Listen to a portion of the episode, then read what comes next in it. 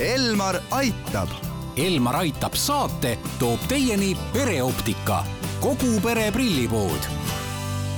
tere, head kuulajad, eetris on Elmar Aitab ja me räägime täna, kuidas suvel oma prille hoida, aga teeme juttu ka sellest, milliseid vigu prillide hooldamisel tehakse ja, ja kuidas neid vigu ära hoida.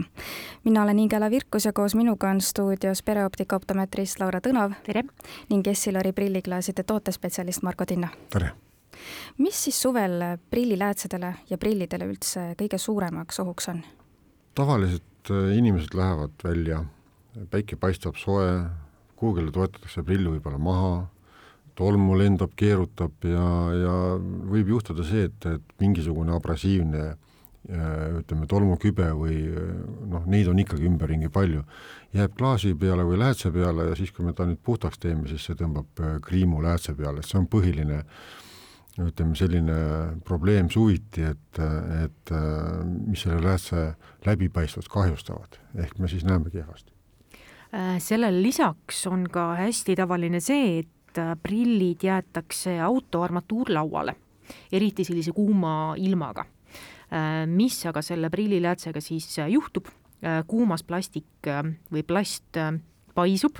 ja tegelikult rikub see ära need pinnakatted, mis seal prilliläätsede peal on. Et see, kuidas see toimub, on, on see, et kui meil on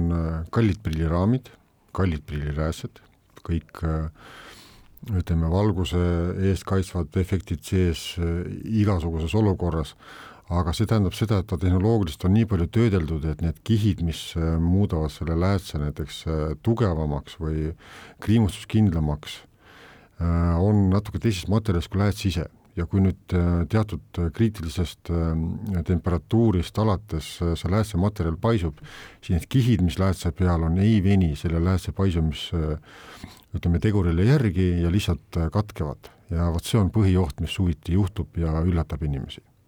kui tihti seda ette tuleb, et prillidega minnakse ka sauna ja, ja ujuma ja? Mhm. No seda tuleb ikka ette, sest ega inimesed ju ei tea päris täpselt seda, et kuhu nad äh, nendega võivad minna ja mitte ja siis, kui on noh, mingi õnnetus juhtunud juba, siis on hilja. et ega teda enam nagu, nagu terveks teha ei saa, et siis on need kihid katki pealt ja need oluliselt äh, halvendavad nägemiskvaliteeti, nii et äh, et minu soovitus on küll inimestele, et, et kui no just temperatuuri osas, et need temperatuurid, noh välja arvatud saun, et sinna lähevad inimesed vabatahtlikult tavaliselt. aga ütleme, sellised temperatuurid, kus kohas ise olla ei taha, äh, seal ei peaks ka prill olema ehk äh, kui me ikkagi jah, tunneb, et autos hakkab palav, me teeme aknad lahti või läheme sealt välja või läheme varju või kuhugile, et siis äh, peaks oma prillid ka kaasa võtma, et et autodega on selline lugu, et alates viiekümnest kraadist juba tegelikult on see kriitiline prilli, ütleme materjalile, hakkab see paisumine toimuma, materjalidest sõltuvalt on see erinev, aga autos võib temperatuur paisuda, äh, tõusta kuni seitsmekümne kraadini, isegi rohkem mõnes tingimuses, ja see on nagu noh, prilli, ütleme, kui prilliraam on selles temperatuuris ikka tund, paar või kolm, siis igal juhul mingi kahjustus on äh, tulemas. Jah, et see on selline natukene pikaajalisem protsess, nagu Margo ütles, selline kui armatuurlaual see prill on selline paar tundi. küll aga prillilääts võib kahjustada ka siis, kui ta saab sellise hästi kiire ja hästi kuuma temperatuuri enda peale, ehk siis kaminad, ahjud, potid, pannid on sellised asjad, samamoodi kui tuleb järsk selline kuumus sinna prilliläätse peale, siis võib ka samamoodi prillilääts kahjustuda sellest. No lisaks sellele, et temperatuur võib äh, prille mõjutada, siis noh, paratamatult suvel ongi neid välitegevusi ja sellist aktiivsemat eluviisi rohkem, käiakse ujumas, tehakse rohkem sporti, no laste, laste puhul on nagunii sellega vist ilmselt arvestatud, et lapsed jooksevadki kogu aeg, mängivad, et nende prillid ongi vist tehtud kuidagi spetsiaalselt natukene vastupidavamad, aga kuidas täiskasvanute prillid on, et kuidas prillitootjad täna üldse sellega arvestavad, et sellistes oludes võimalikult vastupidavad oleksid prillid? Noh, üldiselt arvestatakse ja tehakse noh, prilli ikkagi niimoodi, et ta oleks võimalikult äh, vähese sellise allergeense omadusega, et meil ei tekiks mingit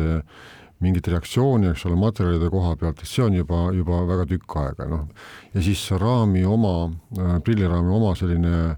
mälu säilitada